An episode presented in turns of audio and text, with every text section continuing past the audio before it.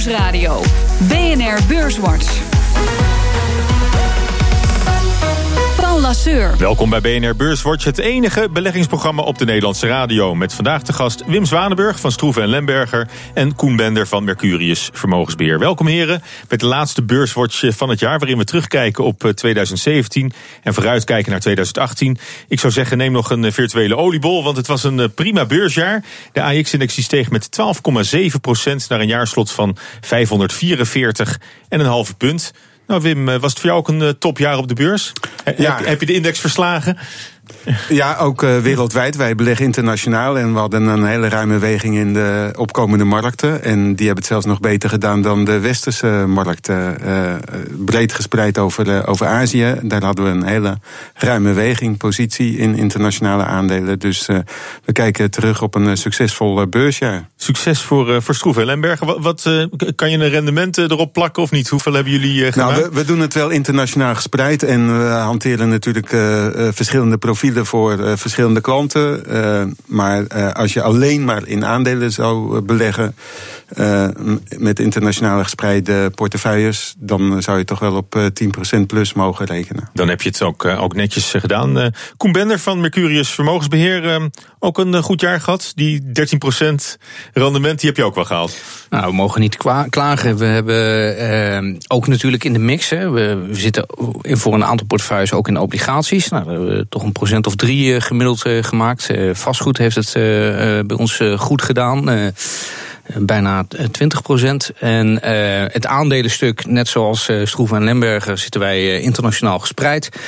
Dat betekent dat je in sommige markten de wind mee hebt, zoals in Japan, mm. waar we plus boven de 20 procent. maar er zijn ook land, markten, zoals de Verenigde Staten, waar je natuurlijk last hebt gehad van de valuta met name. dus in, het, in, de mix komen we daar ook op zo'n 10 procent uit. Ja, maar vastgoed was voor jullie de uitschieter?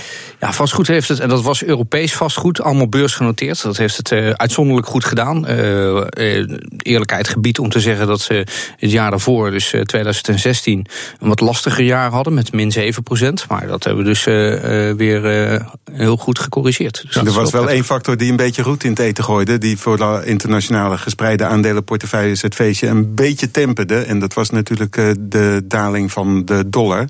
Waardoor bijvoorbeeld de return van Amerikaanse aandelen omgerekend naar euro's uiteindelijk toch wat tegenviel. Ja. Maar de, all in all uh, een heel goed beursjaar. Ja, en, en typisch zo'n jaar waarin je ziet dat er een estafette is. Hè. Uh, uh, en Wim zegt het terecht. Wij maken Over continenten bedoel je? Ja, ja. we hebben in 2016 heel goed geboerd met lokale Amerikaanse bedrijven. Hè, Amerikaanse mhm. small en midcap.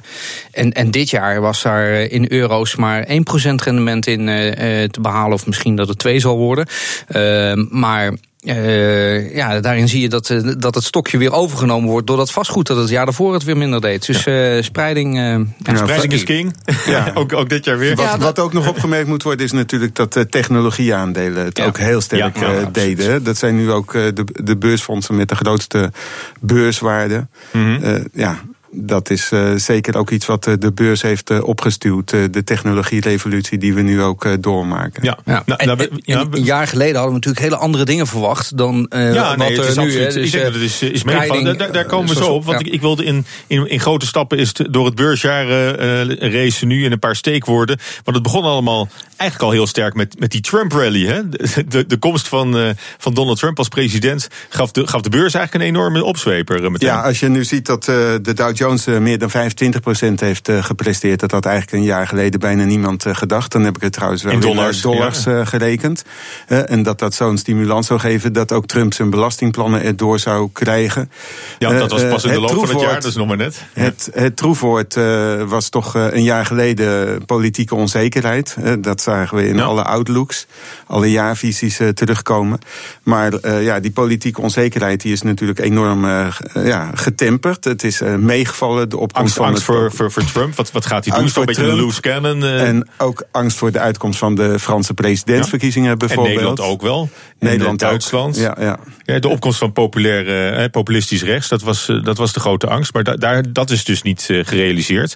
Maar dan nog, hè, dan, dan kijk je terug op dat jaar. En dan zie je dat na die Trump-rally, is, het is eigenlijk nooit serieus uh, gecorrigeerd meer. Even in de zomer hadden we een klein, klein dipje. Nee, wat begin van de zomer, maar het, het is eigenlijk heel gestaag zachtjes opgegaan opgelopen. Wat natuurlijk onderliggend gewoon van groot belang is dat er een uh, duidelijke verbetering ook van de winstgroei van Amerikaanse bedrijven, maar ook van andere internationale bedrijven heeft plaatsgevonden. Dus uh, de onderliggende fundamentals uh, die, die, die zijn meegevallen. De rapportages hebben de verwachtingen ruimschoots overtroffen, mm. zowel op het macroniveau als ook op ondernemingsniveau. En ik denk dat dat zeker ook de beurs heeft opgestuurd. Ja, ja denk je ook, Koen, dat economisch herstel, dat dat een, een structureel economisch herstel, dat dat ook een belangrijke driver is geweest voor de, voor de beurzen dit jaar? Absoluut. Veel belangrijker dan uh, uiteindelijk politics. En uh, dat, is, dat is korte termijn.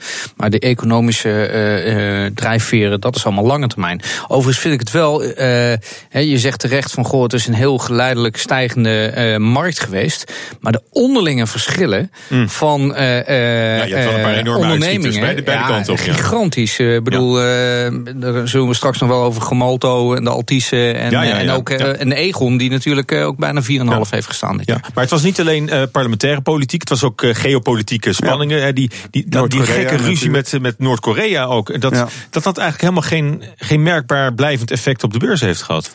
Dat verbaast mij een beetje. Nou, ons eerlijk gezegd ook wel. Maar je ziet, uh, ja, er staat natuurlijk toch als je echt gaat kijken wereldwijd, staat er toch veel geld langs de zijlijn. En buy on dips. Hè. Dus ieder dipje werd aangrepen om weer nieuw geld naar de kapitaalmarkt en ook naar de aandelenmarkt te stuwen. Dat hebben we duidelijk eh, gezien, dat fenomeen. Dus de schrikreacties eh, die er af en toe waren, die waren van uitermate korte duur. Ja. En ja, geopolitieke onzekerheid, dat is terzijde gesteld. Ja. Ik denk, ik denk economisch herstel was eigenlijk het belangrijkste. Maar in hoeverre is dat, is dat een structureel herstel? Want voor een heel belangrijk deel is het ook nog steeds door de stimuleringsmaatregelen van de ECB, van de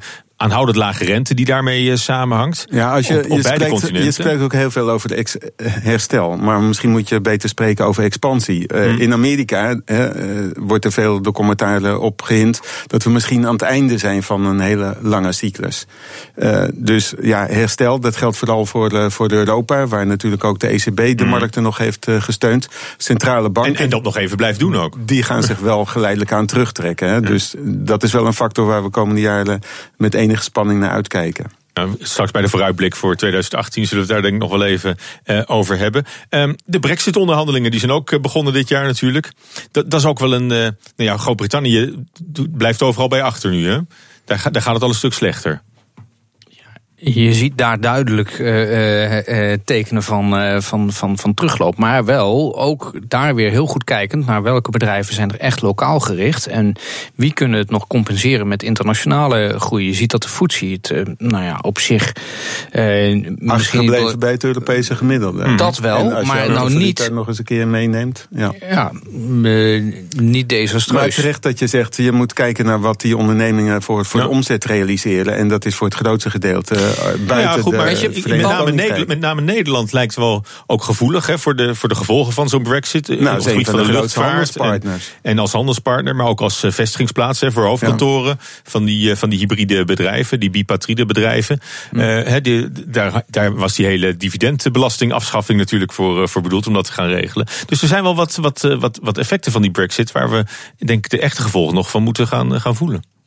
Ja, en dat zal ook. Ik bedoel, het is nog steeds niet helemaal duidelijk hoe het gaat gebeuren. En het, het wordt ook uitgesproken. Oh, het is gewoon politieke chaos in. Ja, uh, maar ik denk dat je misschien in 2017. Onverenigd Koninkrijk. Ja, ik denk dat je in 2017 wel mag zeggen. We hebben het net uh, even zien langskomen. In Amerika hadden we hele andere verwachtingen. De geopolitieke spanningen rondom Noord-Korea hebben geen effect gehad op de beurs. Misschien dat de beurs ook de politiek uh, niet meer serieus neemt. En dat er dus uh, uh, schouderophalend, ja, loop, staan heel even stil. Ja, so en daarna lopen we, ja, oké, okay, ja. leuk politicians. Nou, het consumentenvertrouwen en het producentenvertrouwen, dat zijn natuurlijk wel ja, behoorlijke indicatoren. En, en zich daar ook niet door we zien ook de ordeposities van bedrijven, hè, de zogenaamde PMI, Purchasing Managers, inkooporders ja, die duiden toch wereldwijd. En dan moet ik zeggen, ik ben positief voor, gestemd voor 2018. Maar ik heb ook zelden zo'n breed samengestelde uh, uh, ja, rij van groene stoplichten gezien. ja, nou ja, we, we hebben het ook over, uh, over overnames. Het was een goed jaar voor overnames ook. De Financial Times die had deze week een overzichtje. En het was het vierde jaar op rij alweer waarin wereldwijd voor meer dan 3000 miljard dollar aan overnames werd gedaan. Ja. Een procent minder dan het recordjaar 2016, maar even goed 3,5 uh, duizend miljard dollar aan transacties. We zitten eigenlijk in een overnamegolf die al vier jaar stand houdt. dat was een beetje wat de zie je daar wel weer wat meer uh, invloed van de politiek. Want in hmm. Amerika, een van de grootste markten, zie je een, een, een, daling van het aantal fusies en overnames. En dan met name internationaal. Dus buitenlandse partijen durven wat minder makkelijk uh, nu zaken te doen in de VS. De Chinezen keren zich daar een beetje vanaf. Hè? Ja, ja toch, toch denk ik dat die, dat die fusie- en overnamegolf wel vooral een teken is van globalisatie. Men, kiest, men koopt ook kennis. Ja. En er zijn wel enkele deals geblokkeerd. Maar ik denk ja. Eh, dat uh, er werd vorig jaar ook ja, gezegd... dat zijn de sectoren, hè, met, met, name over uh, ja, data, communicatie, dat soort dingen. Dat, dat ligt dan ineens gevoelig. Ja, en ik denk dat het voor heel veel bedrijven ook een defensieve move is. Hè. Ze zien natuurlijk de mm. opkomst van, van nieuwe technologieën, disruptieve technologieën. Amazon. Amazon, ja. Nou ja, Amazon die, die ineens in de supermarktsector actief wordt. Hè, met de overname van Whole Foods. Wat niet eens een hele grote overname was. Ik geloof 13, 13 miljard dollar of zo. Dus dat is in dat rijtje is dat lang niet te groot. Voor, de, voor maar, is het strategisch is het, eh, is het een enorme maar je zag dat het een weerslag had op de hele retailsector en met name op de supermarkten. En later ook, eh, toen ging het gerucht dat Amazon zich ook eh, in de apothekers en de drogisterijketens zou begeven. Wat nou, dan zie je bijvoorbeeld dat CVS, dat is een Amerikaanse drogisterij, apothekers, supermarkt, buurtsupermarktketen.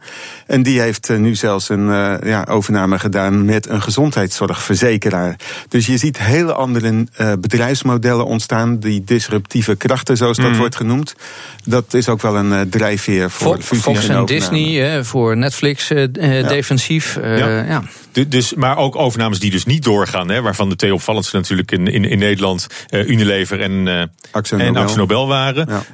daar gaan we het zo nog even over hebben. Want we praten over de opvallende stijgers en dalers van het afgelopen beursjaar. En over de bitcoin. Verder kijken we vooruit naar 2018. Tot zo. BNR Nieuwsradio. BNR Beurswatch. Fijn dat je luistert naar de eindejaarsuitzending van Beurswatch... met Koen Bender van Mercurius Vermogensbeheer... en Wim Zwanenburg van Stroeven en Lemberger. Ja, we kunnen niet terugkijken op 2017 zonder het te hebben over de bitcoin. De achterliggende blockchain-technologie is, is een geweldige innovatie. Daar is vriend en vijand het eh, wel redelijk over eens. Maar dat zal de meeste speculanten verder worst wezen... is mijn uh, bescheiden indruk. Want eh, die hebben gewoon dollartekens in de ogen... en die zijn volledig verblind, als je het mij vraagt... door de waanzinnige koersstijgingen van het afgelopen jaar.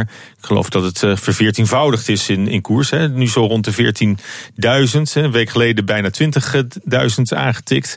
En uh, nou, ik heb er al eens een stukje over geschreven toen hij op, door de 5000 eh, ging. Dat was al een moment. Uh, maar wat me dan opvalt, en, maar dat zal met jullie niet anders zijn. Hoe, hoe vaak krijgen jullie nou de vraag van mensen: van, moet ik niet in bitcoins zitten? Hoe, hoeveel mensen beginnen in, in, in, in de kroeg of, of ergens anders langs de lijn over, over bitcoins? Als, als ze weten dat je, dat je dit werk doet. De eerste drie kwart jaar was eigenlijk totaal geen onderwerp. Maar de laatste drie maanden, toen het echt enorm speculatieve vormen aannam, toen wel. Maar toen sprak ook daadwerkelijk iedereen erover. Van de schoonmaker tot de taxichauffeur tot ook wel klanten die daar vragen over uh, stelden. Dus ik heb wel het een en ander gedaan aan de informatievoorziening. En het is helemaal niet duidelijk waar het op gebaseerd is. Uh, waar het op teruggaat. Maar het schaarste element, dat speelt natuurlijk wel een rol. het kost heel veel om, het, om het aan te maken, die munten. Dat noemen ze het proces van mining. is ook technologie, blockchain technologie, maar vooral computercapaciteit. Energie. Vergt reuze hoeveelheden energie. Echt uh, meer dan hele landen aan energie energiegebruik hebben. Dus dat, uh, dat soort dingen zal ook wel bepalend zijn. Ja, en succes trekt succes aan. Hè. Dus uh, achteraf willen mensen dan weten dat ze er aan mee hebben gedaan. Maar ik uh, vrees toch nog het ergste. Dat dit toch wel een zeebel is die uiteenspat. Want wat, wat zeg je uiteindelijk, wat zeg je uiteindelijk tegen die mensen die het, die nou, vragen? Om, om er vanaf te blijven. Wij, wij gaan over beleggen en niet over speculeren. Ja, en dan zeggen zij, ja, hij is wel 40 keer zoveel waard geworden dit jaar. Ja, maar dat zou ook uh, kunnen gelden voor uh, bepaalde kunstschatten of misschien zeldzame wijnmerken. Uh, ja, wij handelen alleen in liquide effecten. En eigenlijk ook de aanname dat de beurzen uiteindelijk ook wel met de economie parallel lopen. Dus dat daar een reële ja, waarde onder zit. Dat je participeert in de winstgevendheid van bedrijven. Ja. En dat, ik kan bij de bitcoin niks nog als factor daarop terugbrengen. Ja, Bitcoin bezitters zijn ook heel fanatiek hè, die vat het ook heel persoonlijk op als je daar, als je daar kritisch over bent. Dat merk je Ja, wel ja, na, die, eh, na die column daarover. Dan krijg je heel veel, heel veel reacties, hele negatieve reacties van mensen. Dat je alsof je bij het complot hoort. En eh, Mario Draghi, dat is pas een dief. Eh, dat is een veel gehoorde Ja, eh, ik, ik, ik, reactie. ik, ik weet niet wat uiteindelijk het woord van 2017 eh, geworden is, maar voor het beursjargon zou dat Bitcoin Binky zijn. Het ongeluk was het beurswoord. nou, het ik- woord, ik, wil dat voor het beursjargon Bitcoin Binky maken. Want daar zijn er heel veel van bijgekomen het afgelopen, afgelopen jaar. Want eh, eh, te- tegen jou beg- beginnen ze ook eh, te pas en pas over, over bitcoins. bij wijze van spreken dat je, dat je een sukkel bent als je er niks mee doet. En eh, aandelen zijn allemaal maar achterhaald. Maar ik sluit me helemaal aan bij, bij, bij Wim. Het is niet te waarderen. En eh, het gaat er eigenlijk alleen maar om wat de volgende. Eh, koper ervoor geeft. Ja. En eh, ja, dat hoort typisch bij een bubbel. Maar, maar En- wat, wat, wat de evangelisten, de, de, eh, de, de bitcoin-bezitters dan tegen mij zeggen, ze, je, hebt- je hebt natuurlijk gewoon spijt. Ja, kijk, we hebben het de hele tijd over, over bitcoins, maar we moeten het natuurlijk eigenlijk veel breder trekken en over cryptocurrencies. Cryptocurrencies, hè, de Eh, Het is niet alleen. En daar heb je het meteen. Er zijn er 1300 and counting. En, en, en welke gaat er nou uiteindelijk overblijven? Ja, ik weet het niet. En je leest om de havenklap dat er weer een hele, hele zooi gehackt is en eh, verdwenen. Of ze liggen op een vuilnisbelt. Of, eh, nou ja, Het, weet het je, geldt Of je zelfs kan voor, er niet bij. Het geldt zelfs voor de echte eh, valuta. Hè. De afgelopen jaar was natuurlijk de factor die roet in het eten gooide, was de, de daling van de, van de dollar. Hè. Nou ja, goed. Enerzijds afnemend vertrouwen misschien in Trump. Aan de andere kant heeft de Amerikaanse economie het goed gedaan. Veel beter ook dan verwacht. En hebben Amerikaanse bedrijven het beter dan gedaan. Maar goed, de dollar heeft onder druk gestaan. En we zien toch dat dat nog steeds een hele voorname internationale reservevaluta is. Nou, zo'n rol is voor cryptocurrencies echt ondenkbaar. Ja, de- Ooit? het is- Zelfs, zelfs voor de renminbi is het eh, al of moeilijk. dat- dat wordt nooit wat? Want die is nog, die is nog geen 2% van alle internationale Er is valutareserves. gewoon denk nog geen alternatief je- voor de dollar als eh Nee, je moet veel meer, veel meer kijken naar, naar de, de blockchain-technologie Hmm. misschien erachter, maar niet eh, eh, een bepaalde valuta. Dat, dat is gewoon een hoogmate speculatief. En iedereen die zegt dat hij, dat hij wel weet eh, wat de waardering is, leidt volgens mij aan zelfoverschatting. Ja, nou ja. Eh, het, het nieuws vandaag, waardoor die ook weer behoorlijk eh, daalde. En dat gaat dan maar zo met 10, 20 procent elke keer dat die instort. Was dat eh, Korea nu ook beperkingen invoert tegen de, de handel in, in bitcoins. Hè. Er was al op verschillende markten dat die, die ICO's, hè, die initial coin offerings, aan banden werden, werden gelegd. Ehm, ik geloof dat 80% van de bitcoinhandel in Japan en Zuid-Korea eh, pla- plaatsvindt, zo'n Ja. beetje. Nou, de Stu- studenten en huisvrouwen staat er dan ook nog De bij. autoriteiten hebben natuurlijk veel liever dat er echt in de reële economie wordt geïnvesteerd enzovoort. Hè. Dat dat een vliegwiel krijgt. En dat is met die cryptocurrency eh, beleggingen die zeer speculatief zijn, is dat eh, ja, heel moeilijk voor te stellen. Dat is ook geld wat aan de ene kant verdampen. Er is de vraag ook, ik heb al rapporten gezien, gaat dat tot verarming van bepaalde regio's leiden? Want het is straks gewoon met één knal eh, verdwenen. Ja. Schiet het eh, toezicht tekort? Zouden, vinden jullie eigenlijk dat er ook harder tegen moet worden opgetreden? Nou ja, eh, laten we niet beginnen eh, over toezicht. want dan, regels, is, dan, is, eh, dan is wel. deze uitzending te kort. Verbieden? Maar eh, ja, het schiet in algemene zin eh, schiet het, eh, eh, het toezicht op verkeerde plekken door en op andere plekken eh, schiet het ver tekort. En eh, ik denk dat je hier, eh, ja. Ik bedoel, het feit dat je niet kan achterhalen wie uiteindelijk die valuta houdt, terwijl je alles wil registreren op dit moment in de financiële wereld, geeft je probleem al aan. Ik En denk- ik denk- ik denk niet dat je een verbod even, kan hebben op- Ook als je, als je kijkt naar wat, waar jullie als vermogensbeheerder aan, aan moeten voldoen. eh, ook uit, Ja. uit een oogpunt van, van zorgplicht voor, voor, de, voor de beleggers. Mensen die via jullie eh, hun, eh, hun, hun geld investeren. Dat, voor, voor bitcoin is dat absoluut niet aan de orde. Eh, nee, nou ja. het- De enige, ik, ik, ben niet, eh, tegen, ik ben niet voor een verbod op speculatie. Dat vind ik ook de verantwoordelijkheid van, van de cliënt. En natuurlijk Hmm. wel de zorgplicht van zijn adviseurs. Maar uiteindelijk ook de verantwoordelijkheid van de, van, de, eh, van de belegger of de speculant. Maar waarom je de bitcoin wel zou kunnen eh, verbieden en, en, en beperken... is natuurlijk de enorme energie die, Ja. die eh, opslurpt. We zijn wereldwijd bezig nou ja, iets te doen aan beperking van broeikasgassen en emissies, eh, reductie van Ja. emissie. En, nou, Dat alleen al. Dat Ja. alleen al. Ja, Zo. Plus, eh, eh, hoera, eh, Zuid-Korea legt een tanker eh, eh, aan de ketting die een eh, Noord-Koreaans eh, schip van olie heeft voorzien. Maar eh, wat doen we in de tussentijd met Eh, al die cryptocurrencies? Eh, Hoe, hoe, gaat het, hoe gaat het aflopen, denken jullie, met die, met die bitcoin? Gaan we in 2018 nog een groot eh, drama meemaken? Of, eh, Ja, de vraag is of het dan een drama is. Maar goed, uh, ik, ik, denk wel dat het een uh, is. Maar de timing is buitengewoon moeilijk. Luister, voor, voor, voor de, de, uh, de, de, man op de straat die ons de laatste drie maanden aanspreekt over de cryptocurrencies, gaat het een drama zijn. Want die gaat een groot deel van zijn papieren vermogen kwijtraken. En dus ook echt vermogen. Geld, maar ik, ja, weet je, ik zeg net dat iedereen die er een mening over heeft wat die waard zou kunnen zijn, aan zelfoverschatting leidt. Dus waarom ja. zou ik zelf nu gaan vertellen wat ik denk van de Bitcoin? moeten het gewoon lekker zelf weten. Ja, dat gewoon lekker zelf weten. Wij focussen ons op wat we wel kunnen waarderen. Oké, okay, genoeg over de bitcoin. Eh, de stijgers en de dalers van 2017. Eh, Laten we die maar eens bekijken. DSM, 40% gestegen. Dat vind ik, vind ik toch een opvallende winnaar. Ja, ik uh, lach er een beetje bij, want uh, het is wel een van onze favorieten uh, geweest afgelopen jaar. En ook, ook, ook, persoonlijk. Top 3, hè? Ja? DSM, Albers en dan ook ASML. Ja. Dus, uh, ASML ja. ook 36 procent. Ja, we ja. hadden het er al over dat de onderlinge dat het dit tempo kan volhouden. Hè, als je ziet de winstgroei ook bij uh, DSM, hmm. die gaat natuurlijk toch wel uh, afvlakken. Maar wat is je verklaring voor, die, voor die enorme winst? Nou, strategisch hebben ze het wel heel, heel goed gedaan. Afgelopen jaren al. internationale belangen op, op, opgebouwd. Ze zitten in performance materials, in nutritions, in de toelevering van de voedingsmiddelenindustrie. ja, goed geleide onderneming die ook enigszins ondergewaardeerd was. Maar dat begint er langzamerhand wel af te geraken. Ja, maar dat, dat vind ik dan nog een vrij algemene verklaring... voor een zo grote uh, koersprong. Koen, wat, wat, wat vind jij?